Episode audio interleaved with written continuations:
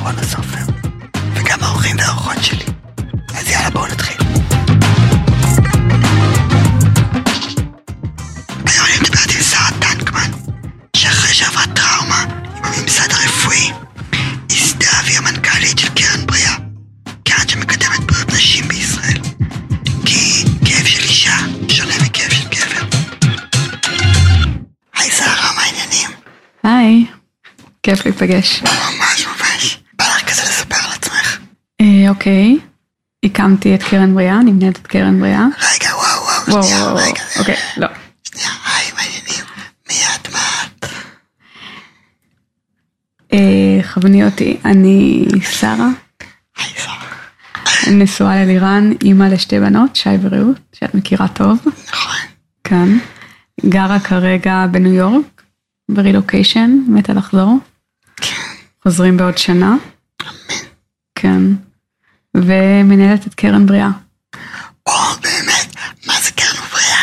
ספרי. קרן בריאה זה ארגון לובי, אה, שהמטרה שלו היא לקדם בריאות נשים בישראל, להבין מה מפריע לנשים, מה צריך להשתנות בתוך מערכת הבריאות, ואז אנחנו משתמשות בכלים של מחקר, של קידום מדיניות, תקשורת ותמיכה בפרויקטים, כדי לשנות את הטיפול הרפואי שנשים מקבלות. בעצם, כשאת כאילו שמה את הדגש על אה, טיפול שנשים מקבלות, אז בעצם את מבדילה את זה מטיפול שגברים מקבלים. כן. את יכולה להרחיב על זה? אה, כן, אז אה, יש הרבה סיבות שנשים מקבלות טיפול רפואי שונה. אה, הדרך שאני הגעתי לתחום הזה היה כשאני חוויתי כאבים חזקים ואף אחד לא האמין לי. ומשם, אה, אם את רוצה אני אספר את הסיפור, אבל, אבל משם למדתי שכאב של אה, גברים, ונש, אה, של גברים ונשים מקבלים יחס שונה.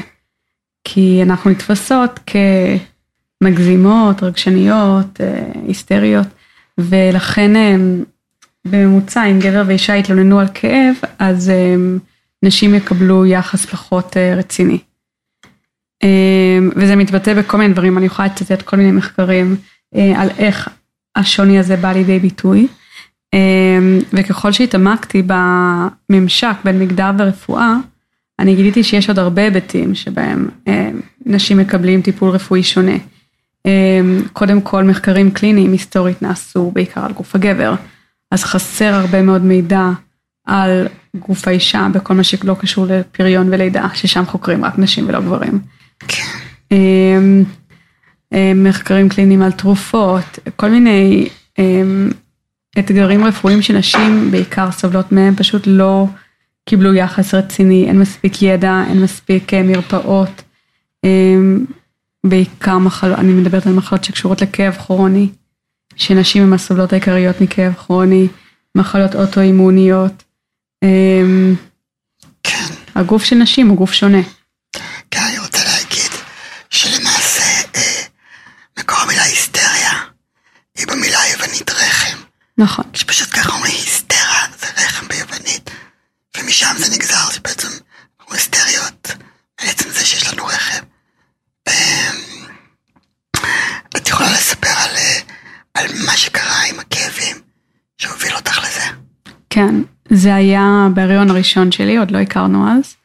אה, הייתי בהריון עם תאומים אחרי טיפולי פוריות, ופתאום התחלתי, הייתי בחודש חמישי, התחלתי להרגיש כאבים מאוד חזקים, לא ידעתי מה זה. כי זה היה רעיון ראשון, אבל אמרתי, טוב, אני אלך להיבדק בקופת חולים, רק אה, למקרה הצורך. עד שהגעתי הכאבים כבר מאוד התגברו, אני הייתי שם לבד, לירן עבד בבאר שבע באותו יום, ואני כבר הבנתי שמשהו לא בסדר, כאב לי מאוד, הבנתי שאני צריכה להגיע למיון. הרופא בדק אותי, הכל היה נראה בסדר, ואז אה, הוא אמר לי שכנראה זה כאבים מדומיינים, אני צריכה להירגע, אני צריכה לשתות כוס מים.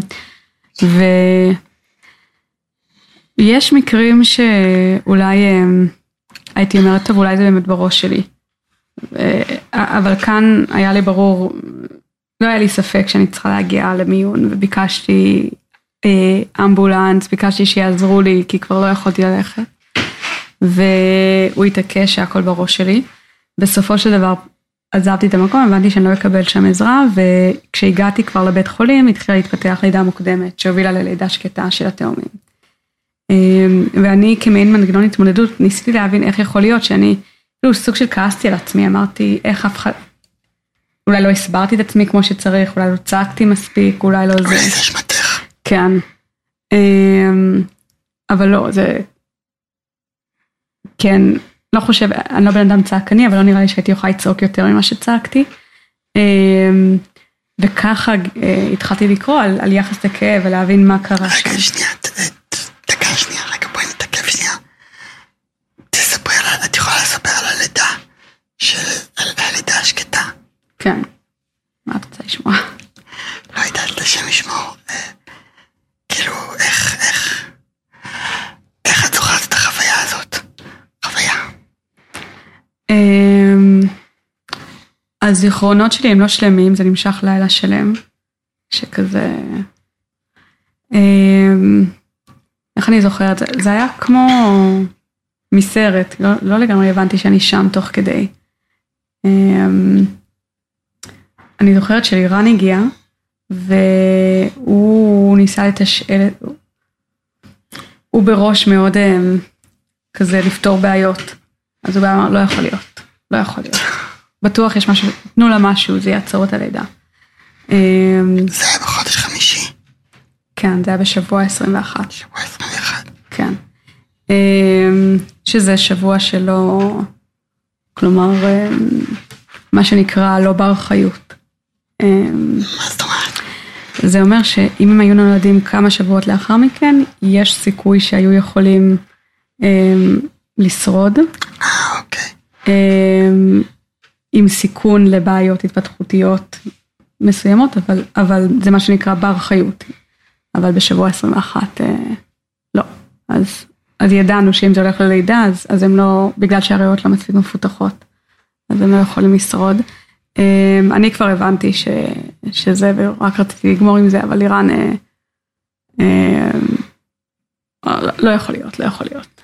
בטוח יש פתרון רפואי, אבל אה, גילינו אה, במהלך השנים שיש הרבה פחות ידע רפואי ממה שנראה לנו על אה, נושאים של, של לידה ופוריות.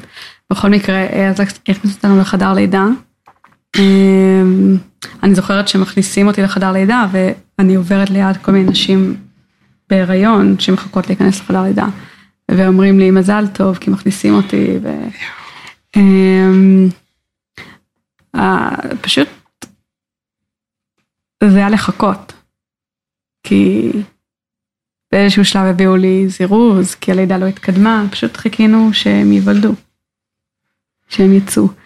אמ, וביקשתי אפידורל, כי לא רציתי להרגיש את זה. אמ, אחרי, לא זוכרת כמה שעות, הרבה שעות, אמ, החליטו להביא לי זירוז, כי זה לא התקדם. ואני פשוט רציתי לסיים עם זה, הייתי במוד של בואו נסיים עם הדבר הזה ונעבור הלאה. ואז סוף סוף הייתה לידה. ביקשתי לראות אותם, למרות שאני לא כל כך זוכרת, נראה לי לירן יותר זוכר, כי הייתי מהפידורל ואחרי לילה שלהם. אמ, נראה לי שלירן יותר זוכר איך הם נראו. ואז הייתי צריכה עוד לעבור גרידה בחדר ניתוח. ואז אה, זה, הלידה עצמה הייתה מאוד מהירה, כי הם קטנים, שבוע 21 זה, זה קטן, אז... ואז מגיעים הביתה לבית ריק. ואז מתחיל העניין המרכזי. מה העניין המרכזי? אה, מה שקורה אחר כך. אה, רגע, תגידי, יש לי שאלה. נאמר, אני עכשיו נותנת לך אפשרות לשנות את העבר. איך, איך את חושבת שהיית, כלומר, אדון רופא שאמר לך, חמודה, תשתי כוס מים, את היסטרית. איך, איך, איך את חושבת שאפשר היה לשנות את המצב? לא חושבת שאפשר היה לשנות את המצב. אמ, גם אם הוא היה מבין ושולח אותי למיון, כנראה שהתוצאה הייתה אותה תוצאה, כי לא באמת יודעים לעצור לידה בשבוע כזה. אוקיי.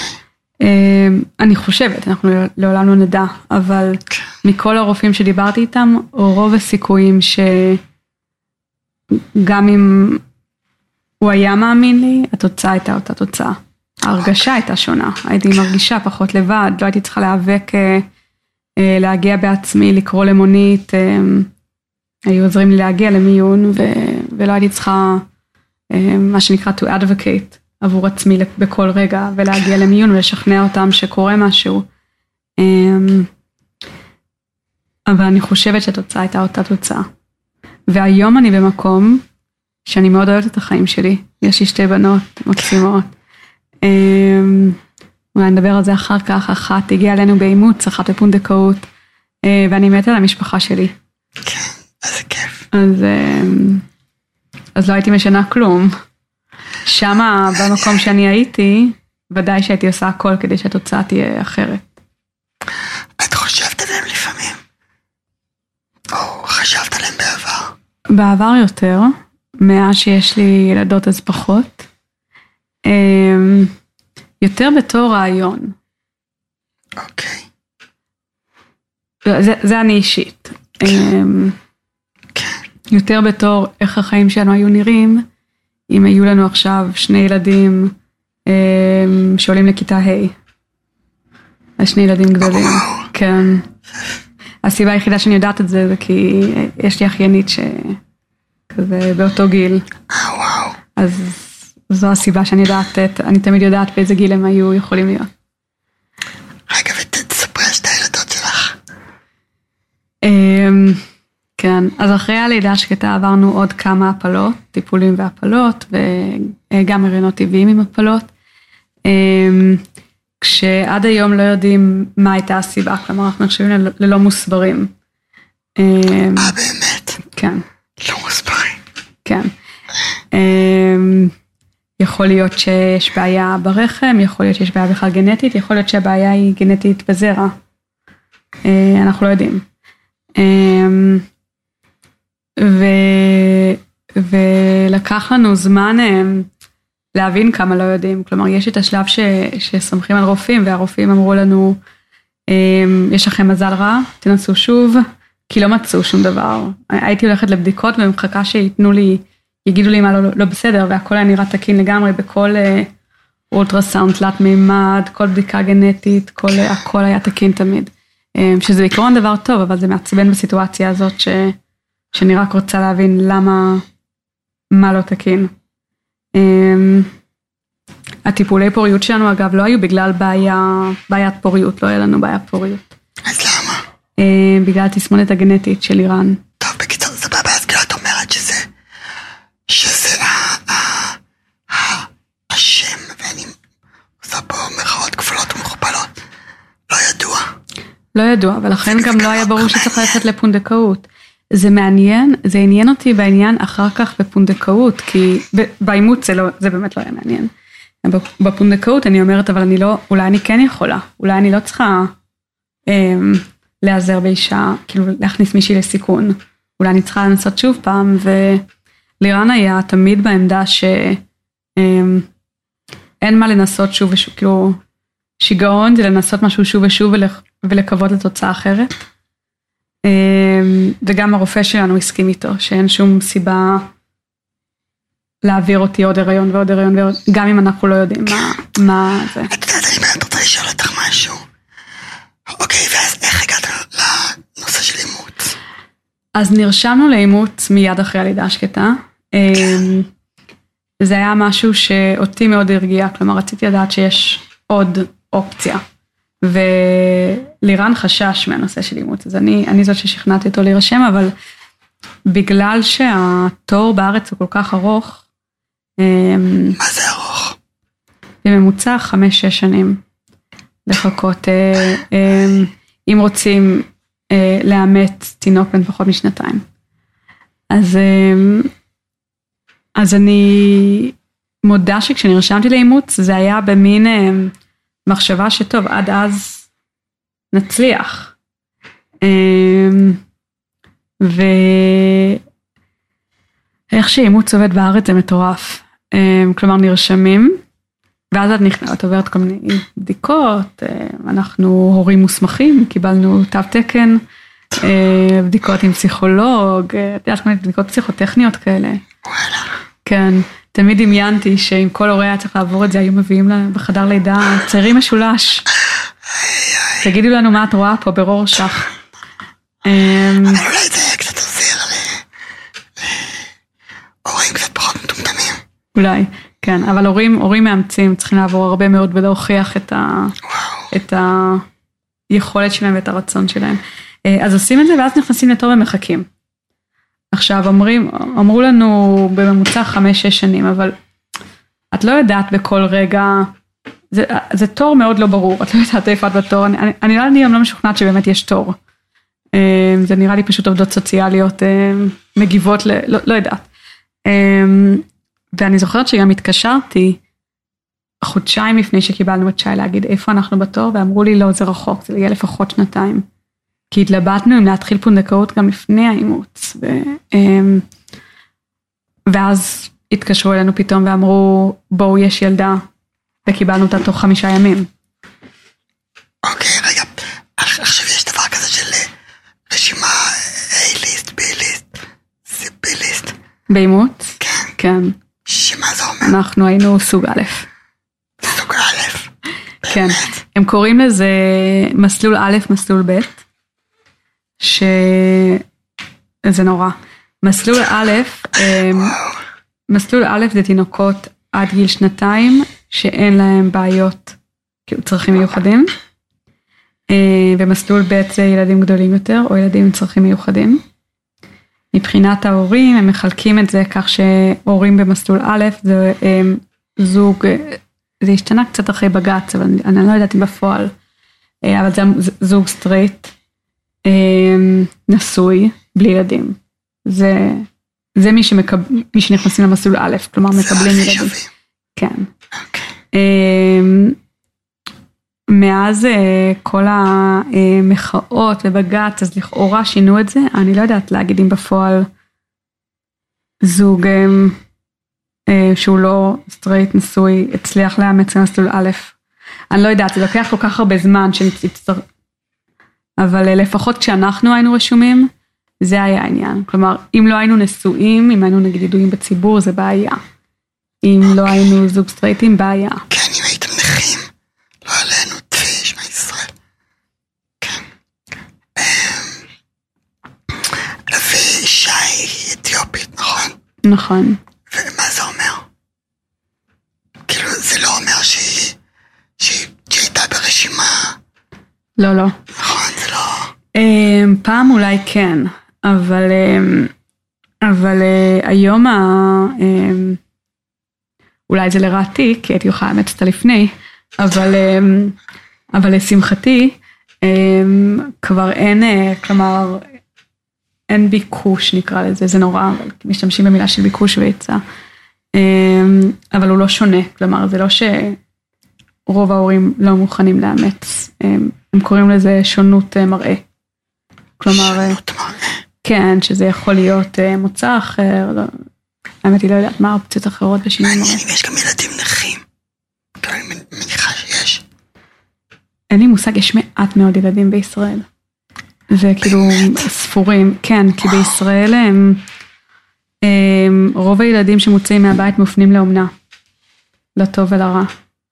אוקיי. אז יש מעט מעט מעט אימוץ, לכן זה התור כל כך ארוך, לכן כל כך מעט הורים עומדים בזה, כי זה לחכות אין סוף. עבורי אגב החלק הכי קשה היה כשפתאום אומרים כן, אז אומרים תוך חמישה ימים. כלומר אני תוך חמישה ימים צריכה להתאפס על הרעיון ולהפוך לאימא. וואו? פתאום קלטתי את זה. שכאילו מחכים, מחכים, מחכים, מחכים. מחכים, פתאום אומרים לך, טוב, אומרים לי שנה, שנתיים. אמ, לא מסיבה טובה, כן? אנחנו אימצנו את שי כשהיא הייתה בת חמישה חודשים, אה, חמישה חודשים זה קטן. זה קטן בארץ, כן.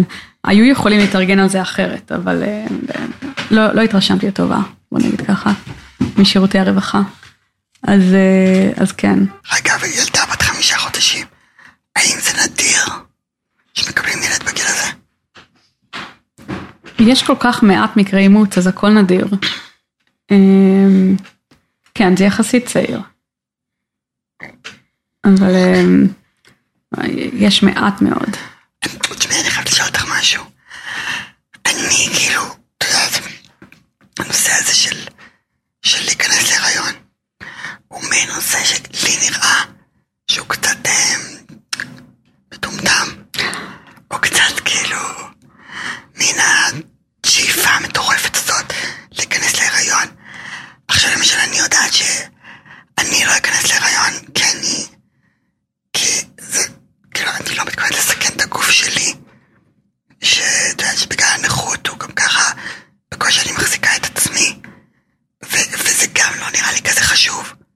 כאילו נאמר אם פונדקאית או ילד מאומץ, זה נראה לי הרבה יותר, הרבה יותר, הרבה יותר חשוב לאמץ מישהו בודד כזה בעולם, מאשר ל- ל- ב- ב- בכל הכוח ל- לייצר את הגנטיקה שלי. כן, א- אצלי זה לא היה, לא, לא, לא היה לי שום פנטזיה להיות בהיריון, הייתי בהיריון, חוויה מפוקפקת עבורי, לא, אמ, אבל, אמ, אבל הפנטזיה הזאת על אה, ילד אה, בודד ש, שזקוקים לו, היא פחות, אמ, היא פחות מציאות בארץ. או, למה? כי, אה, אוקיי, זה לא נכון שאין ילדים שצריכים עזרה, אבל הם לא מוצאים לאימוץ לצערי. אה, למה? כי הגישה בארץ, שהיא בעיקרון גישה מצוינת, אומרת אה, לעשות את המאמץ המרבי שילדים יישארו עם ההורים הביולוגיים שלהם, שזה מצוין. אה, הבעיה היא שזה לא, לגישה הזאת לא מתלווה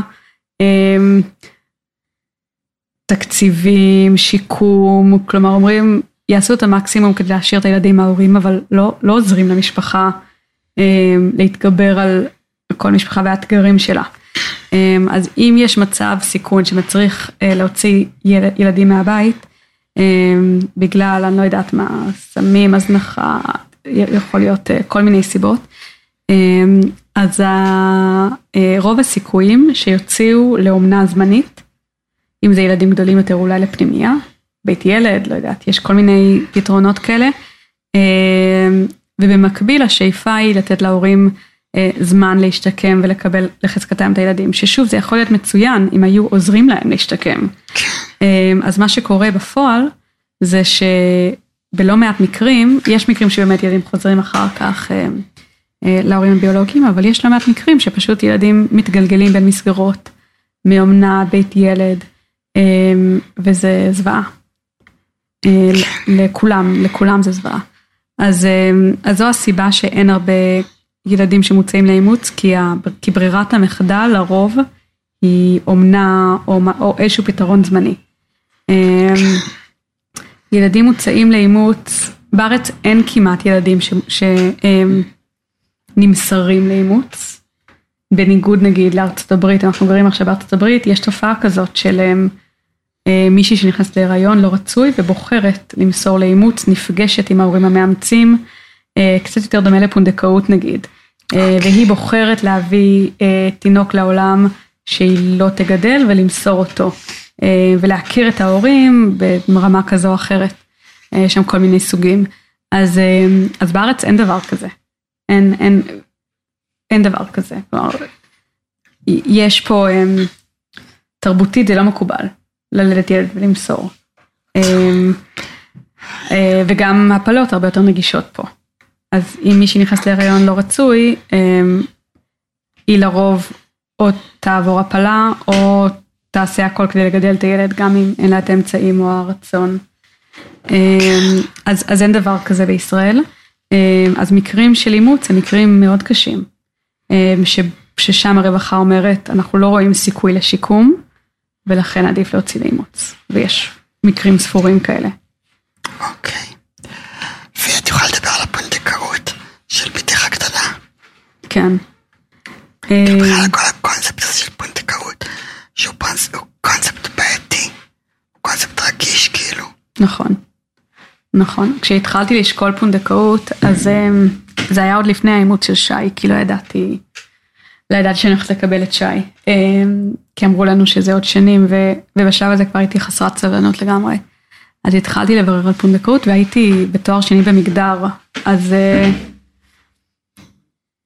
זה היה ממש אה, דיסוננס קוגנטיבי. כי, כי שם רוב התפיסה ש, ש, שפגשתי היא מאוד אה, אנטי, אנטי פונדקאות.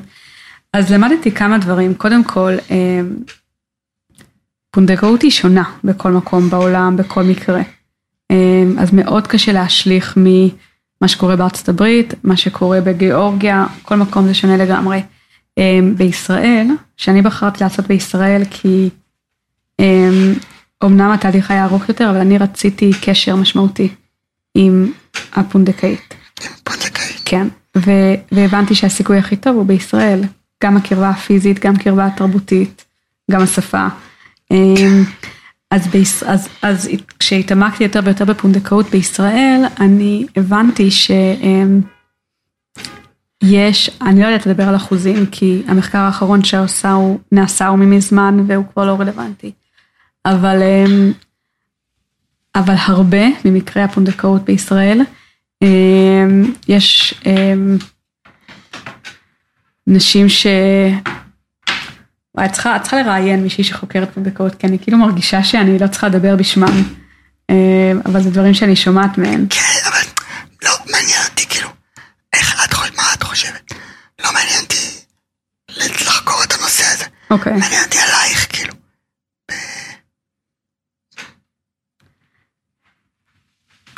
אני כש...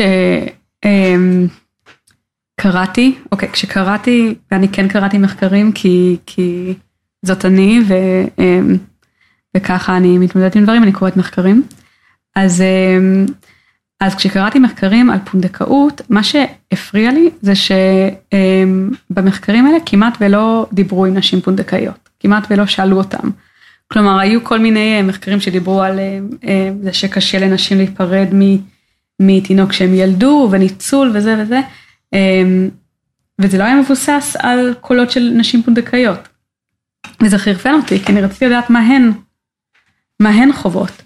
אמ, ו- ואני מרגישה שיש פה לפעמים התנשאות על נשים אמ, שמחליטים עבורם שהן מנוצלות ושהן סובלות. וכשאני מדברת איתן אני שומעת משהו אחר לגמרי. אמ, וכשמצאתי מחקרים שכן דיברו על קושי של נשים פונדקאיות, אמ, זה כמעט ולא היה קשור לפרידה מהתינוק או לתהליך הרפואי, אלא לקשר לא טוב עם ההורים. כלומר, אוקיי. כלומר ראיתי ש, שגם עבור מישהי שעושה את זה, בסוף מה, ש, אמ, מה שהכי משפיע עבורה, זה, זה הקשר עם, עם עם, ה, עם הזוג או עם האישה או עם ה, מי שזה לא יהיה. אז אה, בבקשה, קצת לאיבוד. אוקיי, ואז איך בעצם הגעת ל... הפונ- מי הייתה בעצם הפונדקאית שלך? כן. אז עברתי שתי תהליכי פונדקאות. אה, שני תהליכים, אחד היה לפני האימוץ ואחד היה אחרי האימוץ, ושניהם היו, זה היו חברות. שפנו אליי ואמרו שהכירו את הסיפור שלי, הכירו את כל מה שעבר עלינו והציעו להיות פונדקאיות. וואו, זה מדהים. כן, זה, זה פשוט מדהים. כן, כאילו באה אליי לגמרי, כן, כן, זה מטורף.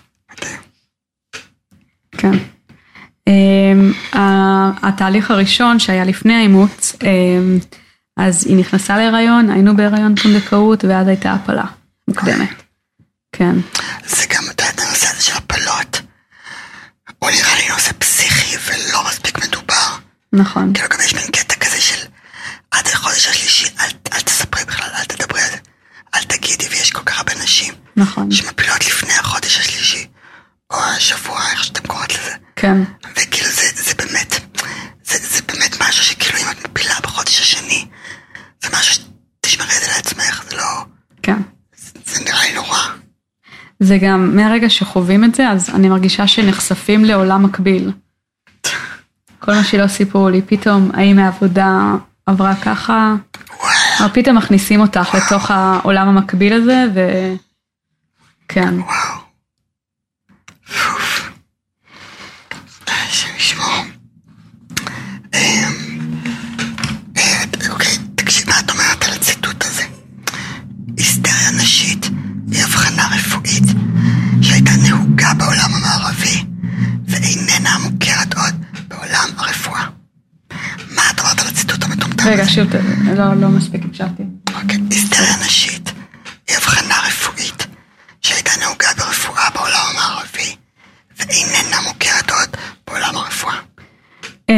טכנית פעם הייתה מחלה שקראו לה היסטריה.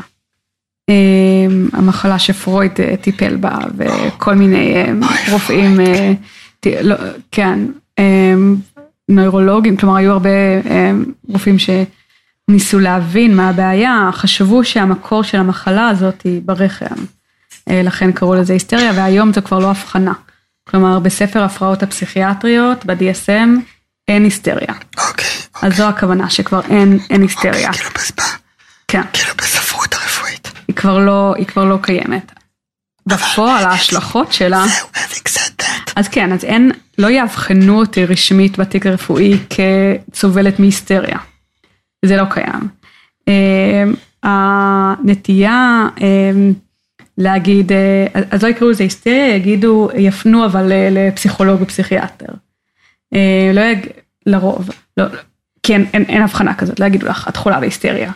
אבל אמ, וואו, כל כך הרבה נשים אני שומעת מהן, ודאי עם נגיד אה, מחלות שקופות, שזה מחלות שלא, קשה לאבחן אותן כי לא רואים אותן, אה, אנדומטריוזיס, פיברומיאלגיה, אה, תסמונת הגמישות יתר, שבסופו של דבר אומרים להם, תלכי לפסיכולוג, זו בעיה רגשית. אז, אז זו המקבילה היום להיסטריה. את יודעת, אני אני זוכרת ששאלתי ממך ספר על, אה, על נשים ומגדר בשינה. נכון, לא? של ציפי דולב, כן, כן. ספר ספר גנוב, והוא, לא יודע הוא יחזר לך אי פעם. אמ, אבל סתם באמת היא מדברת על, על הפרעות שינה אצל נשים לעומת גברים. שזה כאילו, שברגע שאת קוראת את זה את אומרת, דה, ברור, ברור שיש הבדל. ברור שיש הבדל, אני רואה את אה, עמרי נרדם כמו קרפד. פעם שנייה שהוא עוצם את העיניים, ואני כאילו, רגע שנייה, עד שאני נרדמת, עד ש... אני צריכה ל- לחשוב על כל מה שקרה לי היום וזה. אז אה, סתם זה באמת כאילו מושגים ש... ש... ש... שברגע שאני חושבת על זה, על הנושא של מגדר ברפואה, וש... אה, how shocking, יש הבדל בין גברים לנשים. כן. זה... זה... זה... זה... סתם זה מפתיע אותי שזה לא ברור מאליו. זה מאוד, אמ, כן. אז הספר של אה, פרופסור מרק גלזרמן, שהוא אמ, ייסד את החברה לרפואה מודעת מין ומגדר תחת הסתדרות הרופאים, אמ, והוא פרסם ספר תחת האוניברסיטה המשודרת על רפואה מגדרית. הכותרת של הספר זה רפואה מג- מגדרית לקראת המובן מאליו. כאילו הליכה לקראת המובן מאליו או משהו כזה, וזה כל כך זה. זה, אבל זה כבר מפסיק להפתיע אותי, כי כל כך הרבה דברים שאני עוסקת בהם, כבר לא מפתיע אותי שמשרד הבריאות לא מתעסק בזה וזה, כבר לא מפתיע, כלומר כן מפתיע אותי ולא מפתיע אותי, אבל, אבל זה, לעסוק בנושא הזה זה, אמ, אוקיי, אני מתעניינת בגיל המעבר, כמות הרופאים בישראל שמתעסקים בגיל המעבר לעומת כמות הרופאים שמתעסקים בפוריות. כי כמובן שרפואת נשים שווה פוריות, אבל אף אחד לא חושב על אחר כך.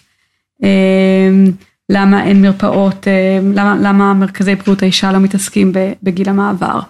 אמ, למה אמ, הפסיכיאט, מרפאות פסיכיאטריות ואנדוקרינולוגיות הן נפרדות לגמרי.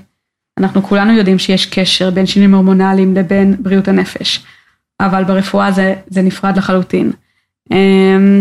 יש כל כך הרבה דברים שכבר קשה להפתיע אותי. הליכה לקראת המובן מאליו. וואו. אה, רגע, רציתי לשאול אותך על אה, לירן.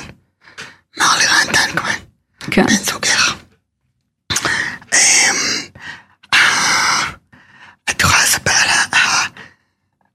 איך לומר את זה? כלומר, האקזיט שהוא עשה. איפה זה משתלב בחיים שלכם, ו- כן, ואם זה נחמד או לא. כן. אמ, ברור שזה נחמד. אמ, כן, אז תוך כדי כל אה, טיפולי הפוריות, אה, לידה שקטה וזה, הוא עבד על אה, חברת סטארט-אפ שהוא הקים.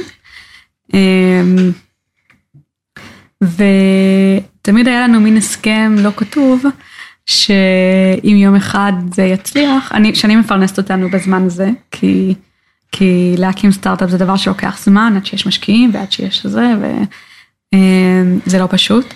ואם הסטארט-אפ יצליח, אז אני אוכל לעזוב את המקצוע הקודם שלי ולעסוק בדברים שמעניינים אותי.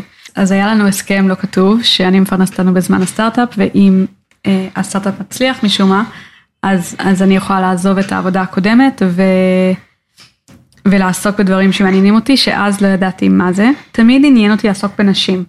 גם לפני, גם לפני קרן בריאה הייתי מעורבת בכל מיני יוזמות חברתיות שקשורות לנשים, אבל, אבל לא ידעתי בדיוק מה. אמ, ואחרי הלידה השקטה, הרגשתי, חזרתי לעבודה, אבל היה לי קשה, היה לי קשה לחזור אחורה. אמ, והחלטתי לקחת חל"ת, חופשה ללא תשלום של חצי שנה, אמ, ו- ולראות אם אני יכולה להשפיע, לעשות משהו בעולם של בריאות נשים. עבדתי תקופה מסוימת בעמותה שתומכת בנשים בטיפולי פוריות, עשיתי כל מיני דברים, ואז החברה שלנו נמכרה, פייפל רכשו את החברה. את האמנת שזה... את יודעת, ברגע שדיברתם על זה, כשאני אפרנס אותנו עד שזה, את האמנת שזה העד שזה היה יכול להיות גם שפשוט תהיה לו משכורת נורמלית ואני אוכל אה, אוקיי. לעבוד בעמותה. אה, לא, לא דמיינתי את העד שזה ככה. הוא כן מאוד מאוד מוכשר, חשבתי שהוא יצליח לעשות משהו. אה, וש, ושבשלב מסוים אני אוכל ללכת לעבוד ב, בארגונים ללא מטרות רווח. אז, אז אחרי שהוא מכר את החברה, פתאום הבנתי שאני יכולה לעשות, אם לפני זה ניסיתי לחפש מה העמותות הקיימות, איפה אני יכולה להשתלב, מה אני יכולה לעשות, ו- וגיליתי שאין הרבה כאלה. אין הרבה עמותות שעוסקות בבריאות נשים. אמ, אז פתאום אחרי האקזיט, החשיבה הייתה שונה לגמרי.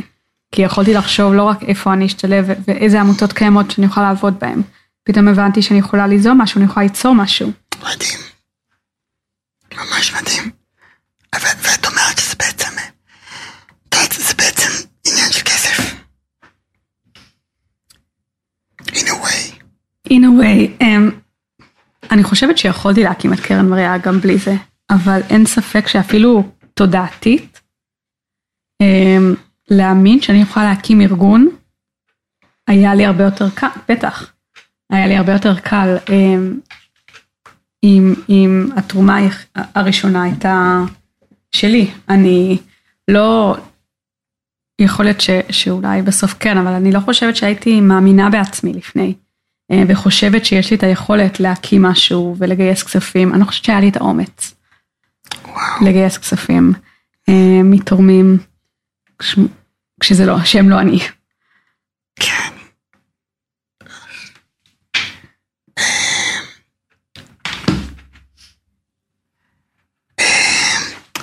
מה רציתי לשאול אותך? לגבי הרילוקיישן. אז היום אתם אה, גרים בניו יורק, נכון. והאם את רואה משם את ה... לא יודעת מה, את ההבדלים, את השינויים, את ה... איך זה ב... באמריקה לעומת איך זה בישראל? בגדול אני חושבת שבישראל יותר טוב. אה, מארצות הברית מהרבה בחינות, בארצות הברית הרפואה היא פרטית. קודם כל, בארצות הברית הרפואה היא הזויה. היא פרטית, שזה אומר שבן אדם ברחוב שאין לו עבודה, אין לו גישה לבריאות, לב- לשירותי בריאות, זה הזוי. לא מזמן הייתה אצלי חברה המקלחון שלנו נפל עליה, סיפור קשה. אמ, ו... והיינו צריכים, היא צריכה ללכת למיון. ואמרתי, טוב, אני, אני מזמינה אמבולנס. והיא אמרה לי, לא, זה, אני לא יודעת אם הביטוח שלי יכסה. כלומר, כל, כל שיקול ללכת לרופא, לא ללכת לרופא, זה קשור לאיזה ביטוח יש לך, איזה... אמ, אנשים מתלבטים, ולפעמים לא הולכים לרופא אם הם לא יכולים לשלם את זה, זה, זה ממש הזוי שם. אמ, וזה יוצר המון עיוותים. אמ, נגיד בארץ עוסקים יותר במניעה מאשר בארצות הברית. שלא לדבר על כל הנושא של נגישות להפלות, שהיא הזויה בארצות הברית. הדבר היחיד שכן אני אומר על שירותי הבריאות בארצות הברית, כשיש לך ביטוח פרטי טוב, אז זה ברמה מאוד גבוהה. אז אני לומדת משם כל מיני דברים שאני רוצה להביא לישראל. וגם אני כן אגיד שהתקשורת אמ, היא, אמריקאים יותר מנומסים, בוא נגיד ככה. אמ, אז אה, זה, זה מתבטא בהרבה דברים. יש לנו פרויקט מאוד גדול בקרן בריאה סביב בדיקות גניקולוגיות. אנחנו רוצים שיכסו נשים, שיסבירו להם מה קורה. אמ, שיזהירו אותם לפני שמכניסים את הספקולום, אמ, שישימו וילון, פורגות, שידאגו לפרטיות וכולי. זה דברים שקיימים בארצות הברית יותר מאשר בארץ. אמ, יש איזשהו סטנדרט של פרטיות, בארצות הברית הרבה יותר מקובל גם להביא, רופ... להביא אחות לתוך החדר. טוב, זה גם קשור שם לפחד שלהם מתביעות משפטיות.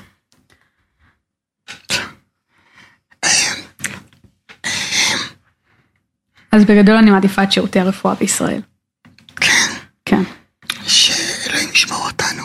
היו לי מחשבות של אוקיי, אולי אני אעשה משהו דומה בניו יורק.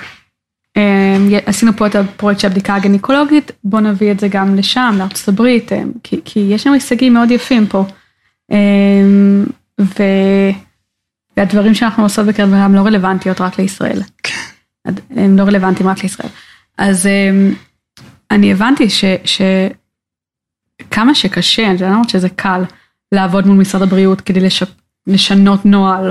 אמ, שינינו את הנוהל לבדיקות גינקולוגיות בישראל. עכשיו כל אישה, אמ, לפי הנוהל, אמורה להיות מכוסה, לקבל הסבר, זה לא תמיד קורה, אבל בגדול לפי הנוהל. אמ, אנחנו מנסות לשנות את האיתור של דיכאון אחרי לידה. עבדנו עם עוד ארגונים על נוהל של אה, טיפול בהטרדות מיניות במערכת הבריאות. אז, אז, אז יש לי בעיקרון, זה לא תמיד קל, אבל לפנות לבן אדם הנכון במשרד הבריאות ולהתחיל לרתום אותם. בארצות הברית זה כל כך מפוצל. אמ, המערכת היא פרטית, יש לך ביטוחים שונים. אין לי מי לעבוד שם. אולי ברמת העיר, או ברמת הבית חולים הספציפי, או ברמת הזה, אבל... ונוער בקרן בריאה, אתם עושות חממות. את יכולה לספר על זה? כן. אמ, אז באיזשהו שלב בקרן בריאה הבנתי שאם אני רוצה ליצור שינוי ארוך טווח במערכת הבריאות, אמ, אני צריכה לרתום את האנשים מבפנים שיובילו את השינוי הזה, את הרופאים, רופאות, אחיות מילדות, אמ, עובדים סוציאליים, ואני לא יכולה לעשות את כל השינוי מבחוץ. ואז עלה הרעיון של החממה, של לבוא ולהגיד, להוציא קול קורא, לבוא ולומר למי יש רעיון שיכול לשפר בריאות נשים, אה, בואו תציעו אותו ואנחנו נתמוך בכם, כלכלית ו- ויותר מזה. אז עכשיו אנחנו מסיימות את המחזור הרביעי של החממה. בכל מחזור, הפרויקטים כל כך מרגשים, פרויקטים מדהימים. למשל? למשל במחזור הזה אה, רופאה מבית חולים מאיר שרצתה להקים מרפאה לנשים בגיל המעבר באוכלוסייה הערבית. אז אנחנו נתנו את המימון ואת התמיכה להקמה של המרפאה ושל כל התוכנית. היו לנו במחזור ב' שני בתי חולים שרצו להקים מסלול שירות לנשים שבאות ללדת, שיש להם עבר של אה, טראומה מינית או טראומה אחרת. משהו שלא היה קיים בעבר וזה ברור שלידה יכולה להיות טריגרית עבור מי שעברה טראומות בעבר. אמ, אז כאן אנחנו נתנו את המימון להכשרה, שהצוות יעבור הכשרה בנושא הזה ולהקמה וליצירה של הפרוטוקול. היום הפרויקט הזה כבר התרחב ובהרבה בתי חולים בארץ יש שירות כזה. וואו. כן. אמ, תמכנו בהקמה של שתי מרפאות, אחת בסורוקה, אחת בשיבא, אמ, לנשים סביב אובדן הריון. אמ, זה באמת בבריאות נשים זה כל פעם שאני פותחת איזה דלת אחת אני מגלה עוד מלא נושאים ודברים שצריך לשנות. ומה שמרגש בפרויקט הזה זה, זה שזה רופאים ורופאות ו, ואחיות שבאות עם ה... וגם אקטיביסטיות המטופלות שהן באות עם הרעיונות האלה. והם חוו את זה מהשטח, או בתור מטופלות, או בתור, בתור צוות רפואי. וואו, אני חייבת לשאול אותך שאלה. oh my god, אני חייבת לשאול אותך שאלה. מה את אומרת על נשים נכות? בתוך כל הנושא הזה של... לא הייתי רוצה להגיד הדרה, אבל סוג של התעלמות מנשים. כן. במערכת הרפואה. כן. אמ, אז הגישה שלי באופן כללי בקרן בריאה וספציפית בחממה, זה שאני לא אוהבת לדבר בשם נשים אחרות. אמ, זה קשור לחוויה שלי, כן? שלא האמינו לי ולא היה לי קול, אז אני רוצה שלאנשים יהיה את הקול שלהם. אמ, ולכן כחלק מהחממה, אנחנו מנסים לפנות לאוכלוסיות כמו נשים חרדיות, אה, נשים אתיופיות, נשים עם מוגבלות, ולעודד אותם להגיד מה מפריע לכם, ולעודד אותם לשנות. אמ, יצא לנו נגיד לתמוך במחזור א' בפרויקט של נשים עם אנדומטריוזיס, שהוביל אחר כך להקמת העמותה. אמ, וואו, כן. מדהים. כן. אז אה, במחזור האחרון שלנו היה לנו פרויקט אמ, של נשים עם מוגבלות. ואני רוצה שהם יבואו ויגידו מה הבעיה, מה הם חוות, ויבואו ו... ואני אתן להם את כל התמיכה הכלכלית. ו... היה משהו עם גינקולוגים, לא? כן, אז, אמ, אז היה לנו באמת השנה במחזור האחרון פרויקט אה, של אה, איזי שפירא, של קבוצת מנהיגות. אמ, כן, זהו, נכון, זה מה שזכרתי. נכון, אז זה קבוצת מנהיגות של נשים שסובלות ממוגבלויות שונות, שבאו והם עשו מחקר. הם עשו מחקר גם כמותני וגם איכותני. ראיינו נשים עם מוגבלויות שונות, כדי לאסוף מידע על, על מה, במה נשים נתקלות. ואנחנו שומעות מהנגישות הפיזית, להאם האם יש מיטת בדיקה אמ, נכונה, ולפעמים יש מיטה מותאמת, אבל הדלת של החדר היא לא מתאימה, כלומר, מהנגישות הפיזית אמ, ועד פשוט הגישה של, של הצוות הרפואי. של אה, לשמוע חוויה של מישהי, אה, אה, יש לי בראש סיפור של מישהי חירשת, שילדה, והיא מספרת איך בחדר לידה אף אחד לא דיבר איתה. כי פשוט הניחו שהיא חירשת, היא לא מבינה כלום. הייתה לה מתורגמנית, אבל פשוט דיברו מעל הראש שלה כל הזמן הזה.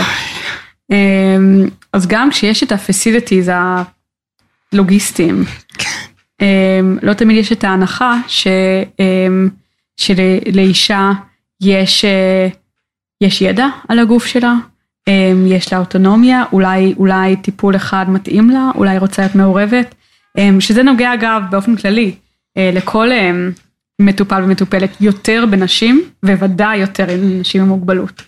הפטרנליזם נקרא כן, לזה. כן, כאילו מטומטמות באופן... מטומט... אולי לא מבינות, אולי הן לא יודעות מה טוב להן, אולי... וואלה. כן, זה באמת, אני נורא, אני זוכרת חברה שלי, שסיפרה לי שהייתה אצל, לא וטרינה, אצל אה, גינקולוג, אולי גינקולוגית, והחברה הזאת היא בכיסא גלגלים, וה... אמ, עכשיו כן, היא בכיסא גלגלים, והיא עושה סקס. shocking.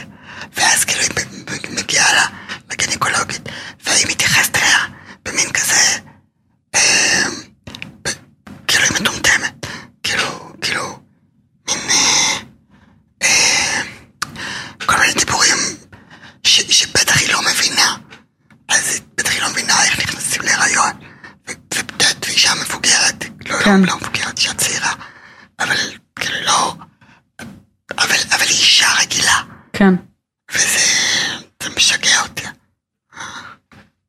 כן. כן, ועכשיו המטרה של הפרויקט הזה, של אידי שפירא, ש... קיבלו מימון מאיתנו והשתתפו בחממה, זה, זה, וכאן האתגר המרכזי זה איך לוקחים את הנתונים שהם אספו ואת הידע שהם אספו ו, ועושים איתו משהו כדי לשפר את שירותי הבריאות.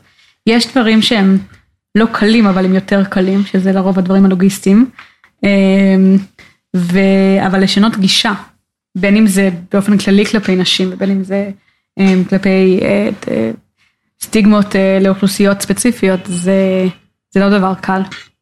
לשנות תפיסות. בטח. וואו. טוב, תשמעי, זה, זה, זה נושאים מדהימים, שבאמת באמת חשובים. כאילו כל הנושא הזה של, של מגדר ברפואה, ושל של הבן אדם שמאחורי המטופל, הבת אדם שמאחורי המטופלת.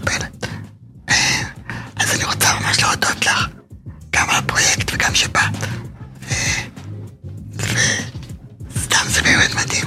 בכיף, תמיד. תודה רבה, שרה. ביי. ביי.